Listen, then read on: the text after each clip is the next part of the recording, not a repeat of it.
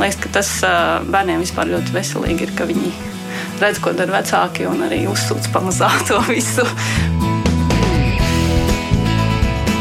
Mēs tiekamies ģimenes studijā.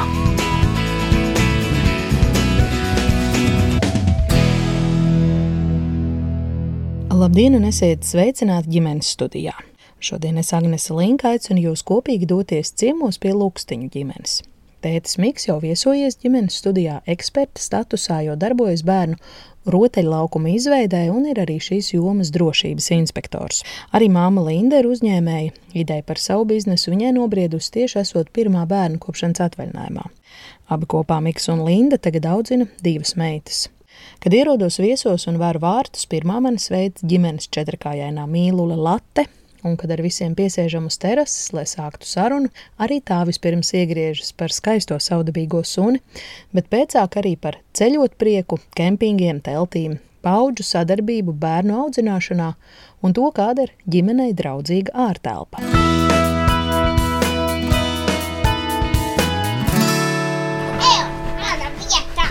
Ar pirmo mēs iepazīstamies ar suņu meiteni Lati. Es jau uh, Līvai jautāju, kā ar Lati var sadzīvot. Ko tur viņu kopā dara? Ar viņu var spēlēties? Jā. Ko viņa prot? Viņai var pamest kociņu, skrien pakaļ. Jā. Bumbai. Jā. ko vēl Late prot?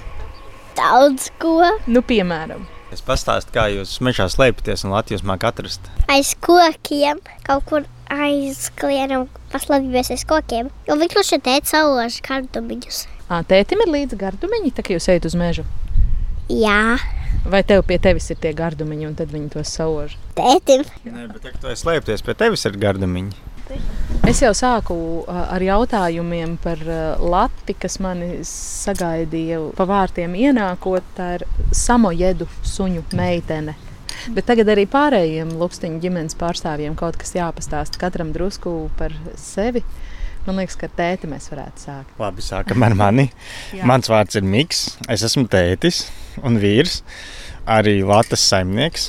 Droši vien es esmu tas, kas visvairāk ar Latviju ikdienā nodarbojās un staigā un skrien. Viņai gan nevisai patīk ar uh, mani skriet uh, pavadā, bet viņai ļoti patīk tad, kad es viņu palaidu mežā. Līdz ar to pa ielu skrienot, laikam dažkārt izskatās, ka to nabaga sunu mocu, jo viņi velkās tā ļoti demonstratīvi aiz muguras, kādu metru, un, un tālāk viņai ir ļoti grūti, bet tiklīdz viņi mežā palaiž vaļā, tad var redzēt, ka viņai nemaz nav grūti, viņiem vienkārši vispār neinteresē skriet taisni. Jā. Ko vēl bez uh, suņu staidzināšanas un tēta pienākumiem ikdienā dara? Mans uh, uzņēmums Fiksman uh, nodarbojas ar bērnu rotaļlaukumu un ārā atpūtas vietu sporta sporta laukumu, arī e, projektēšanu, būvniecību.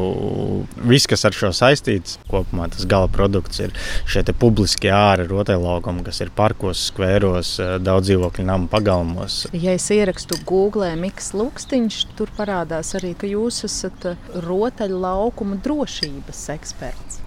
Jā, tāda birka nāk klāt. Es esmu drošības eksperts un es esmu arī certificēts inspektors, bet pats gan jāatzīst ļoti maz vērtēju. Man ir kolēģis, kurš to tiešām dara regulārāk un biežāk, un es to daru mazāk, bet ar šo es jau nodarbojos nu jau 17 gadus. Protams, zināšanas un pieredze ir uzkrāta pamatīgi par drošības prasībām, standartiem un, un, un šo jomu.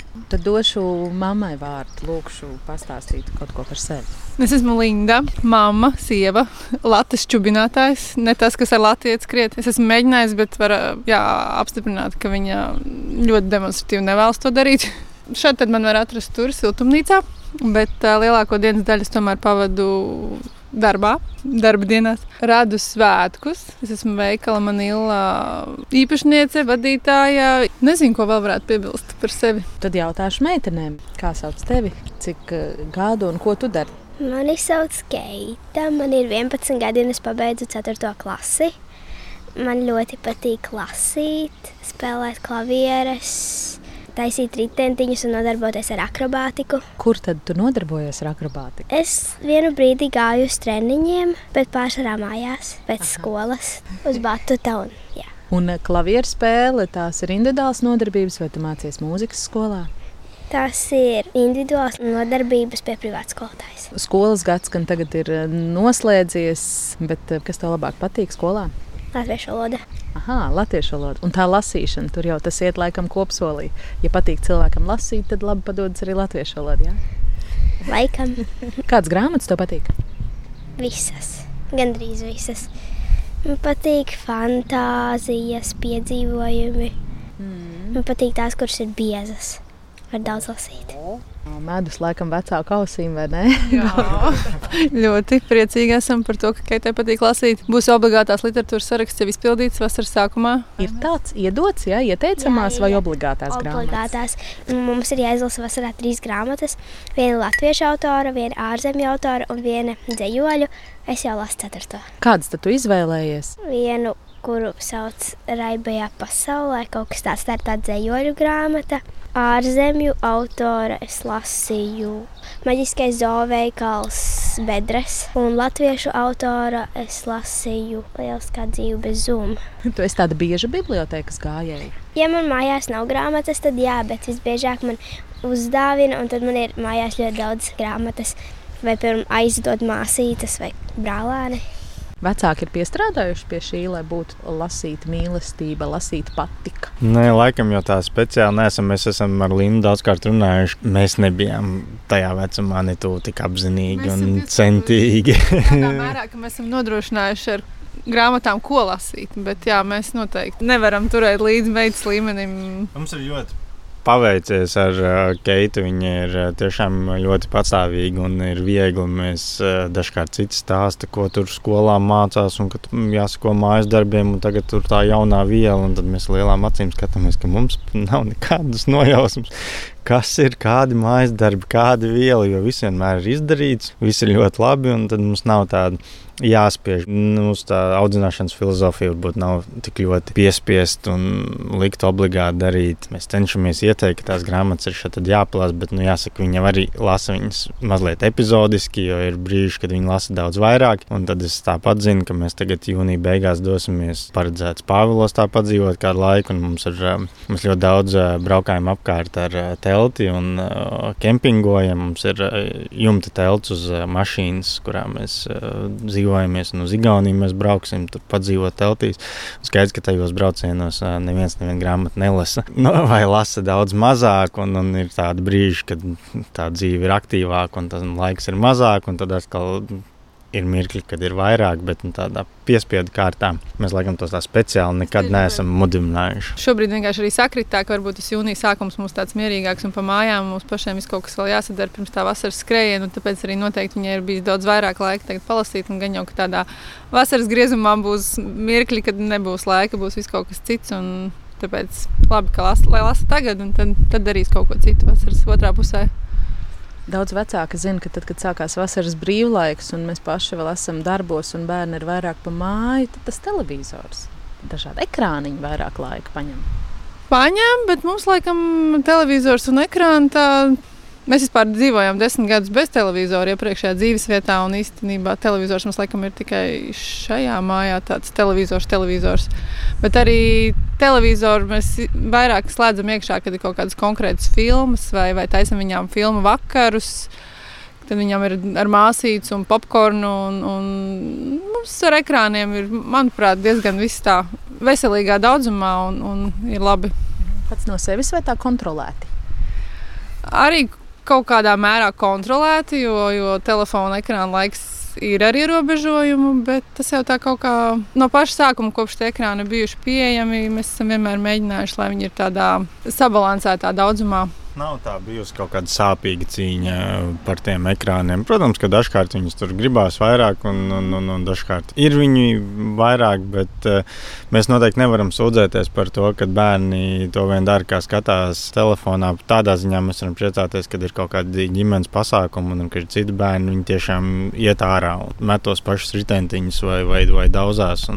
Ir, ir diena kaut ko, kaut ko dara dārzā ritentiņi lēkā, laukumiņš skraida, kaut kur aiziet pie kaimiņiem uz otru māju. Un, un dzīve tā dzīve notiek viņām ikdienā arī vasarā. Esam priecīgi, kā viss ir sanācis. Aizpļāpājāmies par Keitu un viņas vaļaspriekiem. Tagad jādod vārds arī jaunākajai māsiņai. Kā sauc tevi? Līva, Cik tev gadu? seši. Vai tu ej bērnu dārzā? Jā, Tagad tev vasarā arī būs brīvlaiks, vai tu vēl turpini iet dārziņā? būs. Kaut kad būs, bet vēl nav sācies brīvlaiks, jā? Jā, Klau, un ja tev ir seši gadi, kad tu iesi skolā, vai tas būs šoruden vai nākamgad, tu jau zini? nākamgad. Vēl viens gadiņš priekšā bērnu dārzā, jā? Jā, Ko tev vislabāk patīk dzīvē darīt, tad, kad tev ir pilnīgi brīva izvēle? zīmēt. Ko tu zīmē parasti? Kaut kāds puķis dabu. Vai tu kaut kur arī mācies eh, zīmēt, vai tu zīmē pati pēc eh, savas fantāzijas un savām iecerēm, un tev nevajag nekādus pamācītājus? Nevajag pamācības. Nemācos. Nu, Līva man ir paziņojusi, ka viņa gribētu, lai viņai kāds māca zīmēt. Tā kā man būs rudenī par to jādomā, kur mēs varētu atrast kādu, kas viņai var pamācīt. Nu, Līvai patīk mocīt Latvijā arī bišķiņu. Viņām tur ir tāda sava draudzība, ļoti patīk ar LEGO spēlēties, ar māsu, laukumiņš, batuts, mācās tos pašus ritentiņus. Man liekas, ka viņi jau savos sešos ir iemācījusies, skatoties uz māsu to, ko, nu, nevis man liekas, bet es to savos vairs nevarētu pat iemācīties. Viņai visu laiku jātur līdzi lielajai māsai, un dejot tev patīk. Dejot tev patīk. Mēs ļaujam bērniem visu kaut ko mēģināt, un tad mēs skatāmies, ka tagad bija dejošanas periods, koncerts ir noticis, bet viņi ir sapratusi, ka tas tomēr nav viņas aicinājums, un tad rudenī viņi tagad citu dejošanu mums prasa. Man vēl patīk klubas, slikaudiņi. Atrakcijas, tu saki, jā? Līva noteikti ir. Viņai sanāk tā dzīve, māsas eh, tādā kā ietekmē, un, un viņai pašai, manuprāt, šķiet, ka viņai ir. eh, Nu, viņa saprot, ka viņa ir mazliet mazāka, bet nu, noteikti ne piecus gadus mazāka. Viņa, viņa savā prātā, nu, varbūt kādus divus gadus iepaliek, eh, tā viņai pašai liekas. un Viņa, viņa ļoti grib draudzēties ar māsas draugiem, kas varbūt māsai mazāk patīk. Viņa, viņa grib būt tajā kompānijā, un tad, kad atnāk viņas vecuma draugi un māsas draugi, viņi to savējos nedaudz pamet un mēģina pielīmēties tai lielākajai kompānijai un būt uh, tajā. Viņiem liekas, ka viņi var darīt visu to pašu. Bet nu, dažkārt arī jā, nu, jāsadzīvo ar to, ka uh, visu jau nevar. Ja nu, slēpošanas kalnu nevar likt pa tādu pašu tramplīnu kā lielā māsa vai, vai raukt pa to pašu kalnu. Tad ir tādas lielas bēdas, kad kāpēc gan viņai tā nesanāk. Vairāk bērnu ģimenēs parasti ir aktuāls jautājums par to, kā viņi savstarpēji sadzīvo. Tur droši vien daudz kas ir atkarīgs no tā, kādi ir tie dzimumi un uh, vecumu starpība. Kā jums ir ar šo? Es tieši vakar ar Romu kopā runājām, cik mums tie bērni labi sanākuši. Skaidrs, ka visiem ir savējie vislabākie un mīļākie, bet ka tiešām arī viņas, ja nav kaut kāda tāda ārēja apstākļa, kā ārkārtīgi liels nogurums vai tiešām, ka nav garstāvokļa, tad viņas ļoti mīļi dzīvo. Un, un, protams, ir kaut kādi mazi strīdiņi un kašķi, bet nu, tādā lielā plānā, ja mēs skatāmies, viņas ļoti labi sadzīvo un abas ļoti forši dzīvojās arī kopā, divi tā spēlējās. Nav aktuāls eh, temats, sāpīgs temats Nē, nav, mums, mums nav tas sāpīgs temats. Mums ir paveicies. Nezinu, vai tas ir pie vainas tā vecuma atšķirība, vai tas kā abas ir meitenes. Nevis pie vainas, bet uh, kā tas viss tā ir izveidojies. Bet viņas tā ļoti saticīgi un forši dzīvo. Prieks skatīties, ka viņas tur divi tā var darboties stundām ilgi un, un visiem viss labi. Protams, ka, kad garstāvoklis ir lejā vai sagurums, tad tur visādi var gadīties. Līvei dažreiz ļoti augstos toņos mums aiziet kādreiz šeit, tad, bet nu, tas tā reti. Temperamenta Tas vairāk atšķirības. tāds temperamenta jautājums. Jā. Viņi māca panākt to, ko viņi grib. Vienkārši ļoti aktīvi un skaļi. Man liekas, ka lielākoties tas tomēr ir pašu vecāku, ja ne nopelns, tad ietekme. Un, un saka, ka bērni ir mūsu spogulis.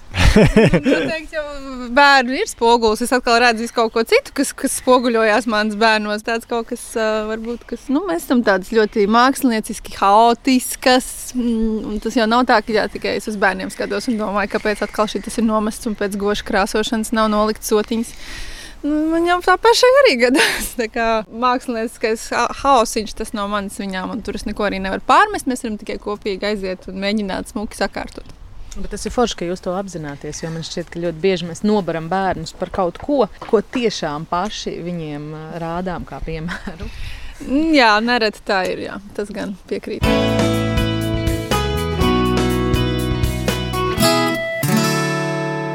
Es saprotu, ka jūs esat viena no mamām, kurai ideja par savu uzņēmējdarbību, par savu lietu ir radusies reizē ar bērnu atnākšanu ģimenē. Kā jūs tagad, kad jau ir gana daudz laika pagājis uz to, skatāties, kā tas notika un kas bija tas palaidēja mehānisms? Jā, laiks īstenībā ir pagājis diezgan daudz. Man īstenībā šogad svinēs desmito dzimšanas dienu. Un, tā sajūta, kas man ir arī bijusi jau kopš tā laika, kad mēs kad atvērām un visu izdarījām, nu, tur bija tāda ļoti liela paļaušanās tādai intuīcijai, vēlmei, ka kaut ko gribās un, un savienot to kaut ko gribās ar to, kas pašam patīk. Un Miks man ļoti atbalstīja. Man tas viss pat tā nedaudz tādā nu, nemiglā, bet tāds pa pusē pagājis. Kā tieši tas notika, jo es īsti nesaprotu, kā es ar tādu mazu bērnu. Mums gan bija arī palīgi, bet principā to visu tagad, ja man būtu kaut vai pieregistrēt uzņēmumu, kā es tur visu to vispār darīju. Es vienkārši ļoti, jā, kaut kā ticēju. Nu, ticēju sev arī tāpēc, ka man ticēja, bet paļaujoties uz tādu intuīciju un, un uz to, ka patīk tās lietiņas, ko es plānoju darīt, kaut kā saslēdzās. Sajūta, ka tas vienkārši notika, jo tam bija tā jābūt. Jā, man bija viens mazs bērniņš, un tad tāpat nākamais uh, projekts bērniņš Manīla. Ir teorija, ka sievietēm tajā laikā, kad mēs kļūstam par mamām, nāk kaut kāds īpašs resurss vaļā, papildus maņa vai spējas. Gan resurss, gan maņa noteikti, jā, jo Tagad, skatoties, nu, tas prasīja diezgan daudz, gan ļaušanos, gan enerģiju. Es gan tāds pragmatiskāks vienmēr esmu racionālāks. Es tur redzu arī to racionālo pusi, kas man šķiet uh, īstāks skaidrojums. Ir, nu, tur parādās uh, laiks, ir tas bērnu kopšanas atvaļinājums, ir garš un viņš ļauj izkāpt ārā no tā iepriekšējā darba skrējiena padomāt, vai gribās tur iet atpakaļ. Ja vienkārši atvaļinājumā mēneša laikā varbūt ir grūtāk saprast, ka, vai tas, ko es daru, ir tas, ko es gribu darīt, un, un, un, un varbūt nobriest lēmumam kaut ko mainīt. Tad, tad ja tajā brīdī, kad jā, sieviete ir bērnu kopšanas atvaļinājums, jā, laiks, protams, ir bērnam jāvēlta, un viņš ir aizņemts.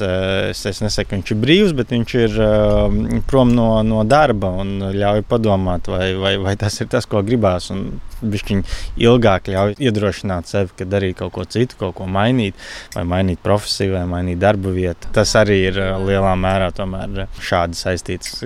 Vai vīriešiem uh, kļūstot par tēti, arī ir kaut kādas tādas ietekmes izjūtamas un, un izmaiņas visā dzīvē? Nu, gan jau ka ir skaidrs, ka tajā brīdī, kad ir bērni, ir ģimene, tās prioritātes mainās un mainās kaut kāds dzīves ritms un tas, kā teikt, pavadīt ikdienu, tas, kā gribās pavadīt ikdienu, kad, kad gribās ar tiem bērniem un ceļojumi mainās. Bet mēs gan arī nu, nevaram noliekt, ka mēs esam ārkārtīgi glutināti ar uh, vecākiem, gan manu māmu, gan manu vecumāmu, kas joprojām ir uh, pie labas veselības un ļoti daudz ir pavadījusi un audzinājuši šos divus, gan arī Līnas vecāki ir palīdzīgi. Mēs tiešām esam bijuši brīvi. Mums nekad nav bijusi tāda problēma, ka nevar aiziet uz teātri. Mums pat ir otrādi, mums var piedāvāt nu, šovakar, oh, jā, Kāpēc ne?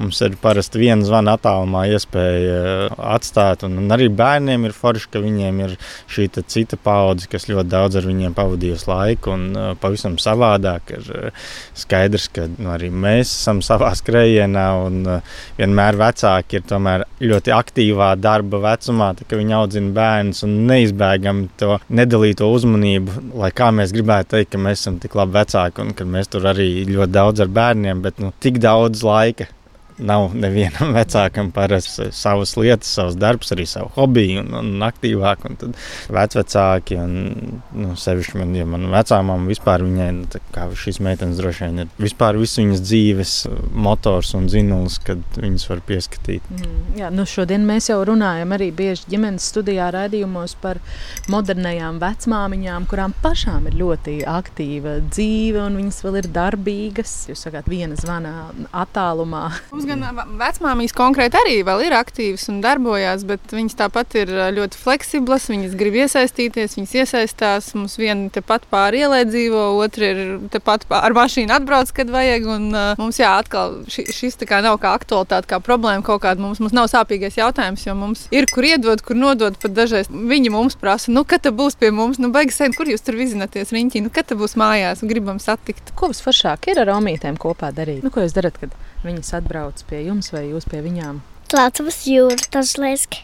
Uz jūru braucat dažreiz, jā? Vasaras uh, aktualitāte numur viens. Varbūt nāk kaut kas tāds foršs prātā, kaut kāda no vecmāmiņām tev ir iemācījusi. Man Tam- nāk prātā viena. Tamborēt. Es tieši gribēju teikt, manā bērnībā Omīts mācīja adīt un tamborēt.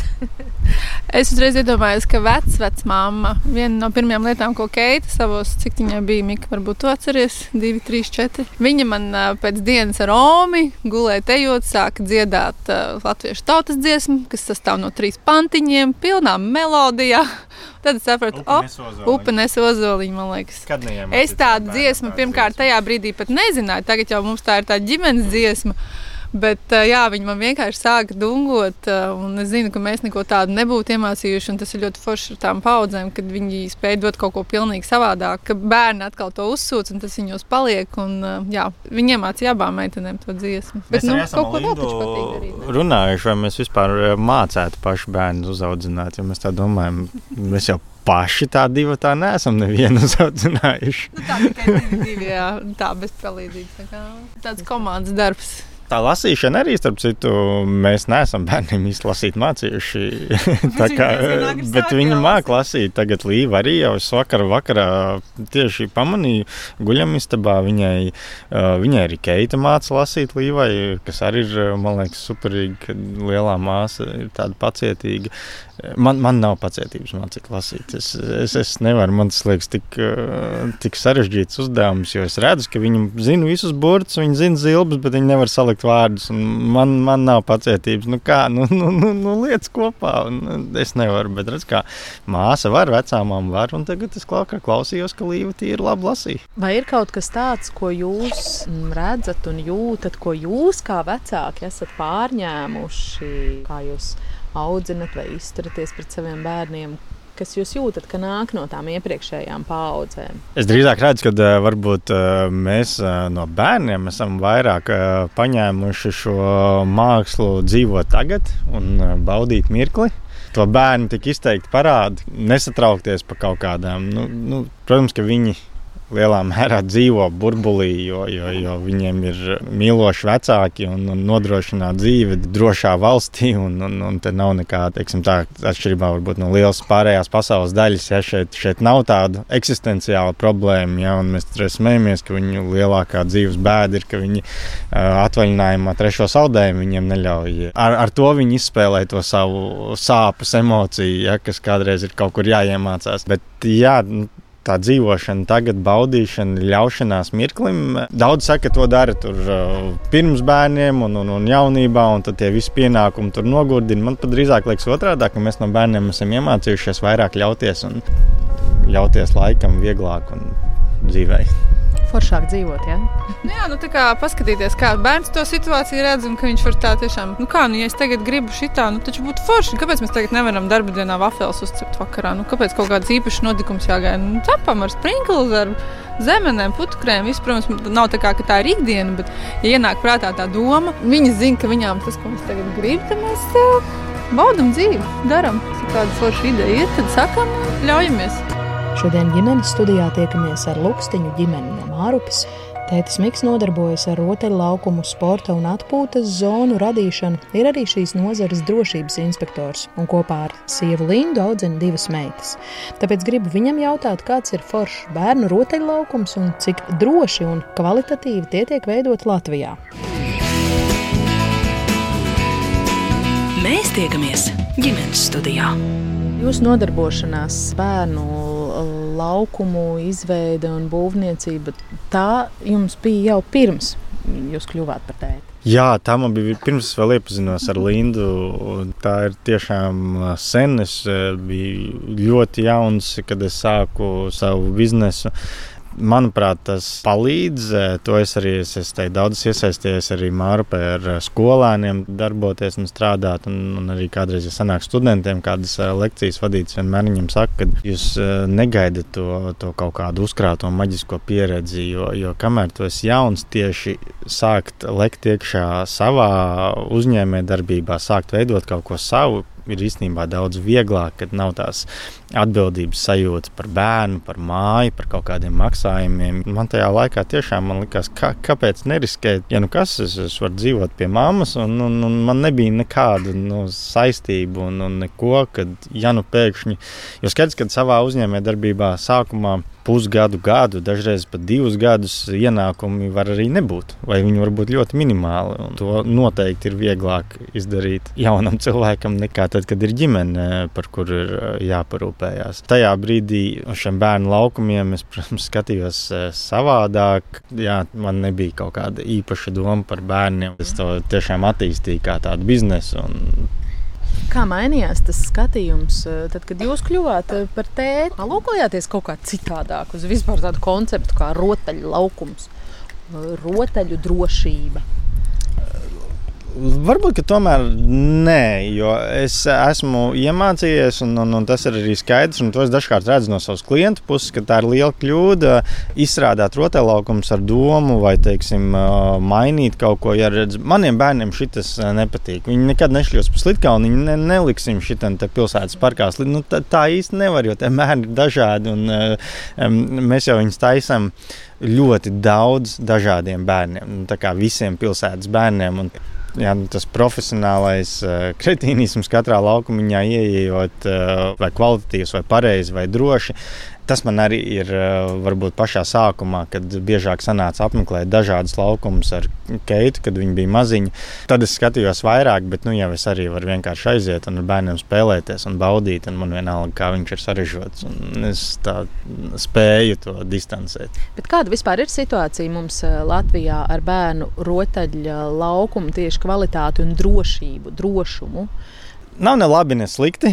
Es vairāk teiktu, ka viņi ir ļoti mazi. Joprojām ir ļoti, ļoti mazi. Ja mēs skatāmies ar tām pašām kaimiņu valstīm, uz kurām mēs gribētu tiekties, ja Somija, Zviedrija, Dānija, Vācija, ja, tad eh, tur kvalitatīvs rotaļlaukums būs tiešām katrai ģimenei pār desmit, pat ne pār simts metru attālumā. Ja, nu tad eh, šeit joprojām, ja mēs eh, pabraucam pa pilsētu, lielo pilsētu tieši kvartāliem, nu, tā vide nav piemērota bērniem. Ne tikai rotaļlaukumi, arī vispār tas labiekārtojums. Ja viņš, viņš ir, ir slikta situācija šajā jomā. Pagalmi nav tādi, kas mudina bērnus būt vai, vai, vai vispār ģimenes iziet ārā kopā, tur pavadīt laiku. Tā ir daudz lielāka problēma, manuprāt, nekā šī laukuma drošība. Tas, ka tie laukumi nav vai nav vispār šīs zonas un vietas, kur kvalitatīvi pavadīt laiku un justies kvalitatīvā publiskā ārtelpā. Mm. Kam par šo būtu jāiestājās? Kura balsī eh, vai iniciatīvai būtu tāds riktīgs svars, vai mēs tā vienkārši sakam pašvaldība un iemetam akmeni viņu dārziņā? Kā tas ir? Mm, arī sabiedrībai. Nu, kā vai tie paši jaunie projekti, ja cilvēki balso ar maciņu, ļoti daudzi projekti arī jauni tiek uzbūvēti, kurus redzu, kad viņi būs sloks pašvaldībai pēc kāda laika, jo viņos arī publiskā ārtelpa nav kvalitatīva.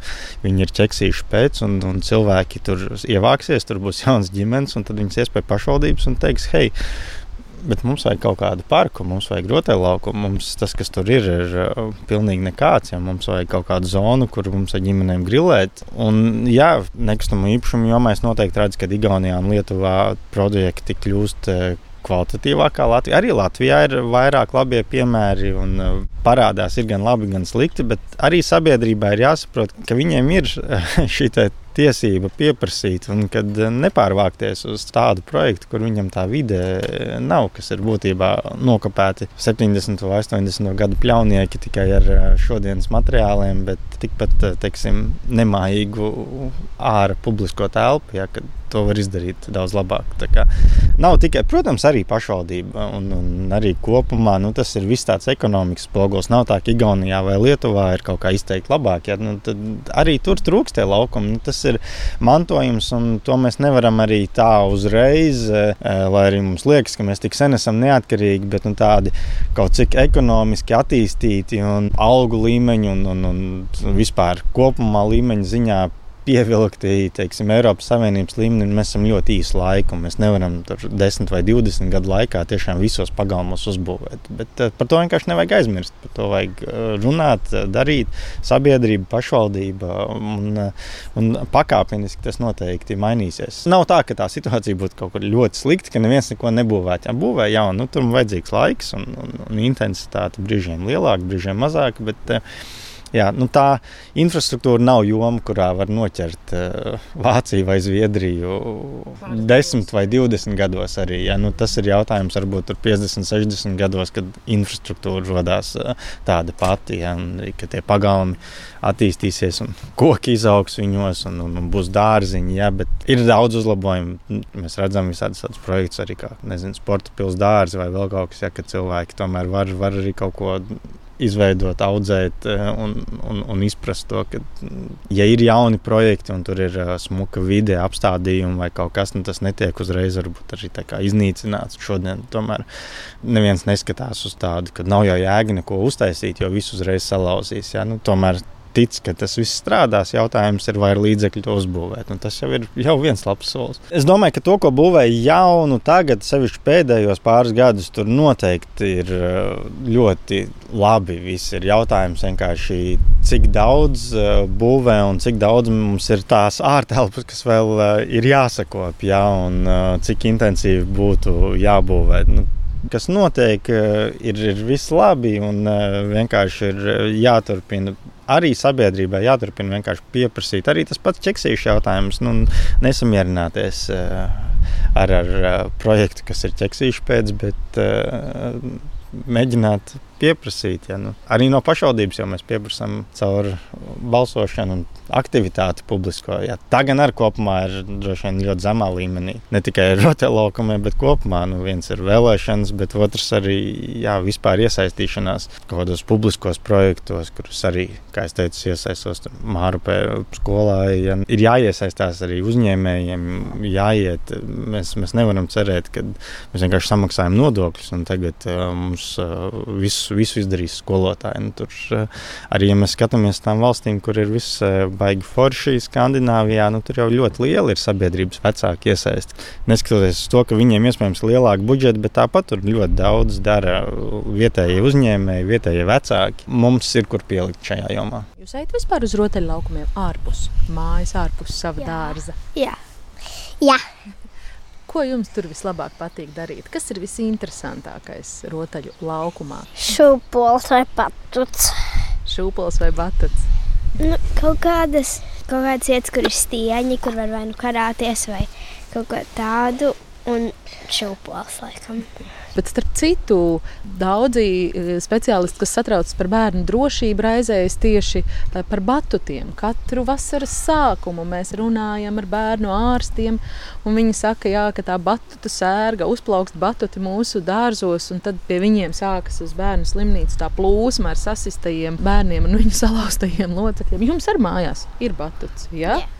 Kā jūs uz to raugāties? Skaidrs, ka tas ir augsts riska elements, jā, bet nu, viņš ir arī elements, kas eh, ļoti, pirmkārt, ir eh, nepieciešama laba fiziskā sagatavotība, lai uz viņa lēkātu. Līdz ar to bērniem arī ļoti daudz attīstās uz viņa. Nu, tas ir tāds riska pret ieguvumiem izvērtējums. Jā, es eh, arī cenšos cīnīties ar saviem bērniem, lai viņi tomēr nelēkā vairāk, un ik pa laikam viņiem tas aizmirstās, jo tur tas risks ir vislielākais, ja izdomā, ka viņi var tomēr lēkāt vairāk.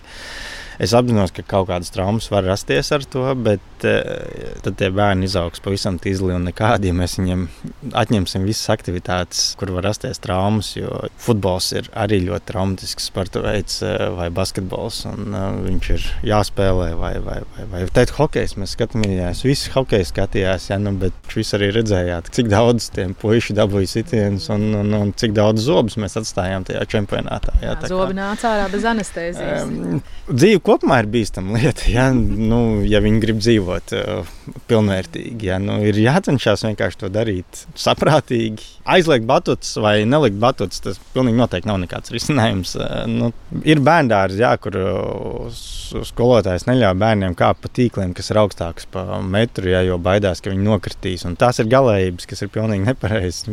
Kā tas bērns iemācīsies? Agrāk vai vēlāk viņš tā abelē gribēs uzkāpt. Nu, labāk, lai viņš satrenējies bērngārzā, nekā pirmo reizi to dara tajā abelē, kur patiešām viņš eh, vecākiem neredzot, var krist ļoti neveiksmīgi. Par riskiem un to minimizēšanu, kā jūs kā mamma raugāties. Par cik es esmu ģimenē tā, kas par visu satraucās, tad es mēģinu ieelpot, noklausīties, kas Mikam par to ir sakāms no tāda drošības, tāda racionāla viedokļa, kas ir un kas nav. Un es arī saprotu, ka ir, jā, kā Miks teica, ka bērniem ir jāļauj mēģināt lekt, kāpt, jo tas ir brīnišķīgs veids, kā viņi attīsta savu līdzsvaru, nezinu, muskulīšus, vispār izvērtēt situāciju. Bet, nu, jā, es noteikti būšu pieskaitām pie tām mamām, kurām ir par visu kaut ko bail. Bet es mēģinu arī ar sevi parunāties un nomierināt un pateikt, ka viss būs labi. Un man tur vairāk tāds dialogs ar sevi. Un tad es saku, labi, ejiet lēkāt. Jā, ļoti forši, ka jūs to tā iezīmējāt. Man šķiet, ka visizplatītākā ir tā situācija, ka tēti ir tie iedrošinātāji arī uz kaut kādām riskantām, eh, drosmīgākām lietām, un mammas ir tās piesardzīgās. Tas ir kaut kas tāds dabiski, bioloģiski vecākos ielikts sadalījums. Jā, un tad mums tāds līdzsvars jārod pa vidu. Man ir jāuzklausa viņa. Es, protams, varu pateikt, man vienkārši ir bail. Viņas var sasisties, bet tad es varu uzklausīt atkal no tāda, varbūt tāda, tāda racionālā puses. Un tad vajag, jā, redzu, ka bērniem tas patīk. Tur ir vairāk, neteikšu, ka vairāk plusi, bet ir ieguvumi. Un ka vienkārši ir jāļaujas vairāk tomēr un jāļauj viņiem, viņiem dzīvot un, un attīstīties.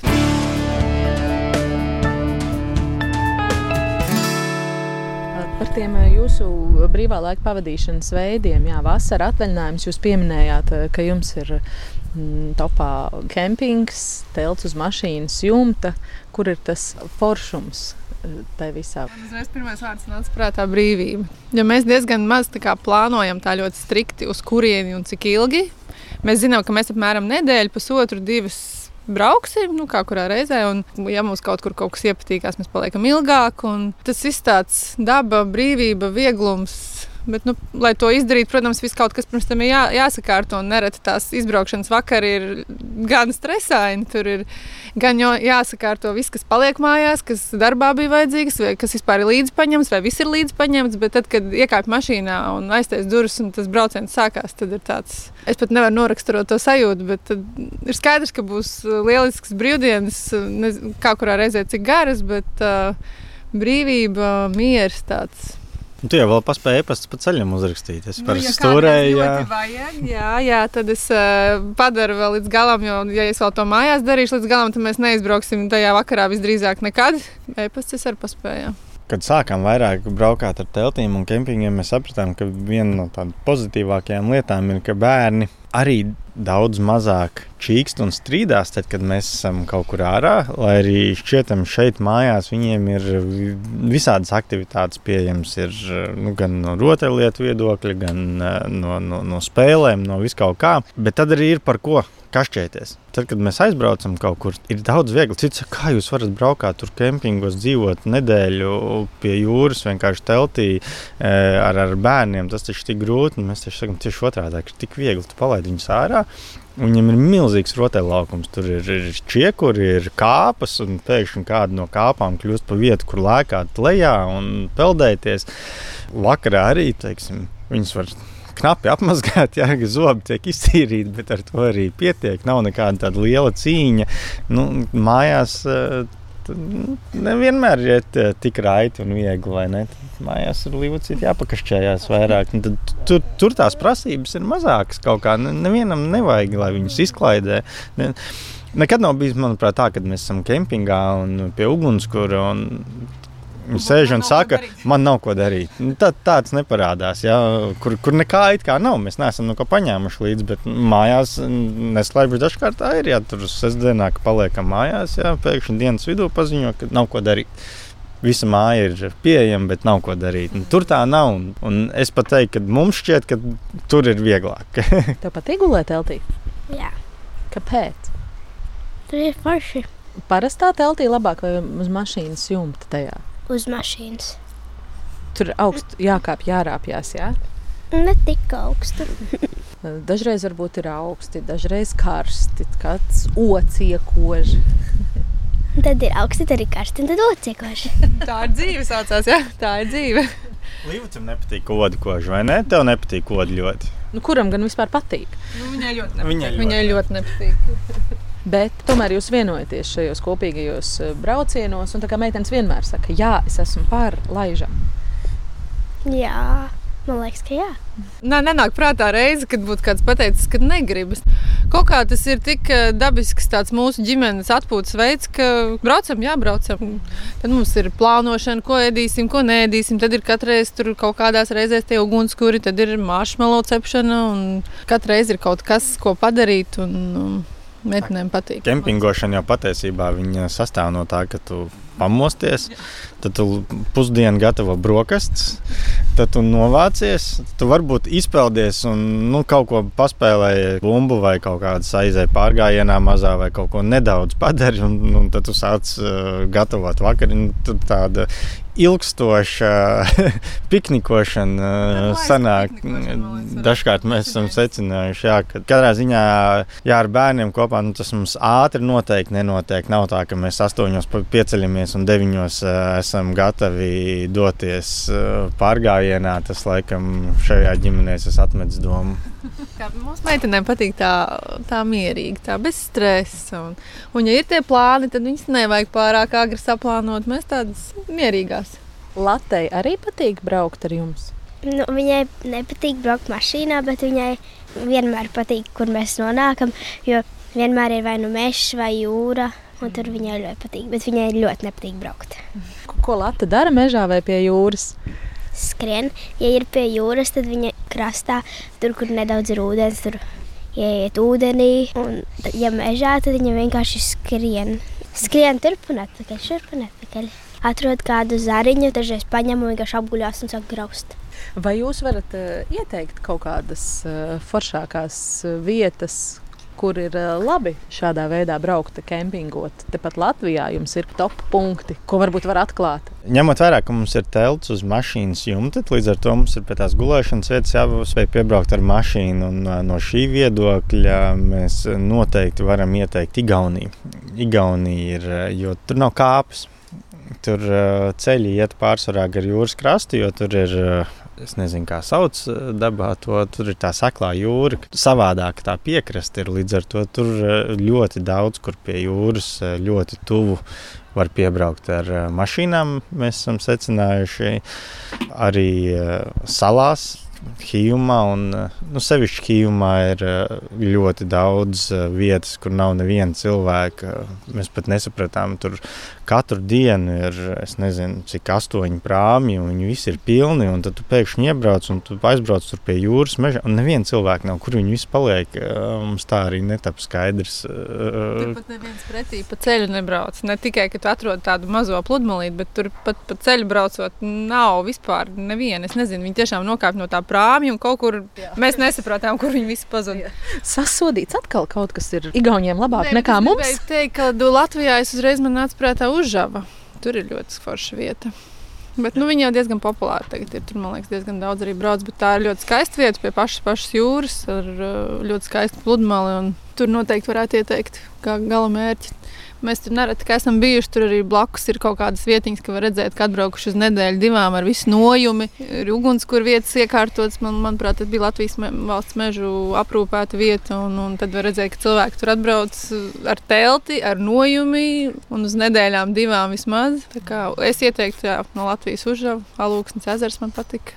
Mēs tur esam vairāk kārt bijuši. Tur arī bija forši. Jā, Latvijā arī mēs bijām daudz uh, foršās vietās. Es gan tagad tā konkrēti nevienu neatcerēšos, ja, jo mēs arī bieži vien nu, nebraucam uz kaut kādu ļoti konkrētu. Dažkārt tā meklēšana arī ļoti ilga, maldīties. Bet, ko es varu ieteikt, var eh, gan Latvijā, gan Igaunijā abās šajās vietās ir aplikācijas un kartes ar šīm uh, valsts mežu ierīkotajām atpūtas vietām. Nu, tur parasti ir ugunskura vieta un varbūt kaut kāda neliela nojume vai vismaz sakopta zona.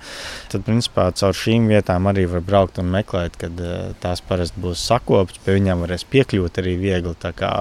Gan Latvijā, gan Igaunijā ir aplikācijas, kur to var darīt. Pārsvarā mēs braucam ne, uz vienu konkrētu vietu, bet arī, tā, kad mēs braucam, mēs nevienmēr meklējam tās labiekārtotās. Mēs dažreiz vienkārši iebraucam, kur liekas, ka varētu būt forši. Mēs tik daudz reizes esam visādus interesantus ezerus atraduši gan Latvijā, gan Igaunijā. Gan... Kas tās kādam patīk? Nē, es, es uz ezeriem tikai skatos. Mana ģimene peldās. Man patīk uz viņiem skatīties. Man patīk smukās saulriet debesis ezeros, bet tur es esmu uz jūs. Jūrā es iešu, bet ezerā nē. Bet man bērni iet ar tevi. Viss ir līdzsvarā. Mēs ar Latviju maliņā varam palikt. Latvija arī nepeldās. Nē, viņai īstenībā patīk ūdens. Viņa, viņa iet kaut ko papeldās. Bet kamēr nebija Latvija mūsu ģimenē, tad es vienīgā maliņā. Es parasti fotografēju vai filmēju. Es esmu ģimenes arhīvu turētājs. Latvija tikai līdz viduklim. Apmēram viņa neiet dziļāk tā kā peldē. Nu, tāpēc, ka viņai tik biezs skažoks, tur jau ir nogrimt, man liekas, šitās sa sa samitrinoties. Nu jā, nu Lindai ir jāiet sevišķi, ja tur kaut kāds dēlīts ir un paceļ augšā, un tur dēlis ir apakšā, tad viņa vispār... Tad es eju gatavot pusdienas pie mašīnas. Tas nav viņas uzreiz. Viņai neskapēc liekas, ka tik līdz viņa ielīdīs tajā ūdenī, tā kāds droši vien desmit dēls ir viņas. O, Linda ir atbraukusi! viņas pilnīgi noteikti man tur gaida. Tāpēc, tāpēc es izvairos no satikšanās ar viņām. Bet meitenes toties ir drosmīgas. Ja? nu, meitenes ir krietni drosmīgākas par mammu. Bez variantiem. Man liels prieks mūsu, kā mēs sakām, apdeitotā versija. Ja bērni ir mūsu mazās jaunās versijas, tad tie nākamie tā kā jauna versija viņiem ir uh, drosmīgāki, gudrāki, lasīt, grib, redz, viss uz labu, viss uz augšu. Es vēl par to gatavošanu piebildīšu, ka, ja nu kādam ir aizmirsies no senākiem laikiem vai no kempingošanas, neaizmirstat par to, ka var vienkārši ugunskurā bez nekāda folija samest kartupeļus. Mm -hmm. Un pēc kāda laika kopā ar sviestu un sāli. Tas ir delikatese. Visi bērni ēd. Protams, ka eh, šausmīgi netīri viss paliek. Un tad uh, arī tas parasti ir tumsā. Un tad no rīta pamosties un tu skaties, un tie spilveni ir melni, un tās mutes ir melnas, rokas ir melnas, jo, jo, jo, jo viss tiek ēsts tumsā un ogles turot rokās. Un, kā jau teicu, tā apmazgāšanās tajos kempingos ir nu, tik, cik ja zobus iztīram. Tiem... Pēc tam jau peldās, jā, bet nu, tas process, bet šo nevajag aizmirst šo ēdienu. Mūsu vasaras labākais ēdiens, jā. Lūk, kā beig beigās tikām arī pie receptes. Nu, brīnišķīgi. ļoti vienkārši recepte. Ļoti tikai ugunskurs jāuzkurina. Un vajag labāk tas nedara mazie jaunie kartupelīši. Vajag liels kartupeļus, un mēs viņus neliekam folijā. Mēs metam vienkārši kādas viņi ir. Recepte ir sieriņš vēl. Ja tu par recepti sāki, tad izstāst otro daļu sieriņam brīvi vai kamambērs. Nu, katrā ziņā viens no sieriem, kas ir ritulītī un ar mīksto iekšķiņu, ir jau tāda, kas nāk metāla buļģā, ko principā var jau ielikt ugunskurā. Bet, ja nav tā buļģiņa, tad iet, ietin folijā un uzliek uz pagalītes tur kaut kur maliņā, un viņš tur izkūst. Arī rīktīgi kaloriju bumba tajā tumsiņā 11. vakarā pie ugunskura, bet nu, tik garšīgi, ka Dievu ir tā, ir tā vērts. Ja? Ir tā vērts. Šodien ģimenes studijā ar Miku, Lindu, Keitu un Līvu Lukstiņiem sarunājos es Agnese Linka. Radim tapšanā piedalījās arī Sarmīta Kolāta un Nora Mītspapa. Paldies, ja klausījāties un tiekamies arī ģimenes studijas podkāstu epizodēs Latvijas radio mobilajā lietotnē, kā arī ģimenes studijas sociālo tīklu kontos uz sadzirdēšanos.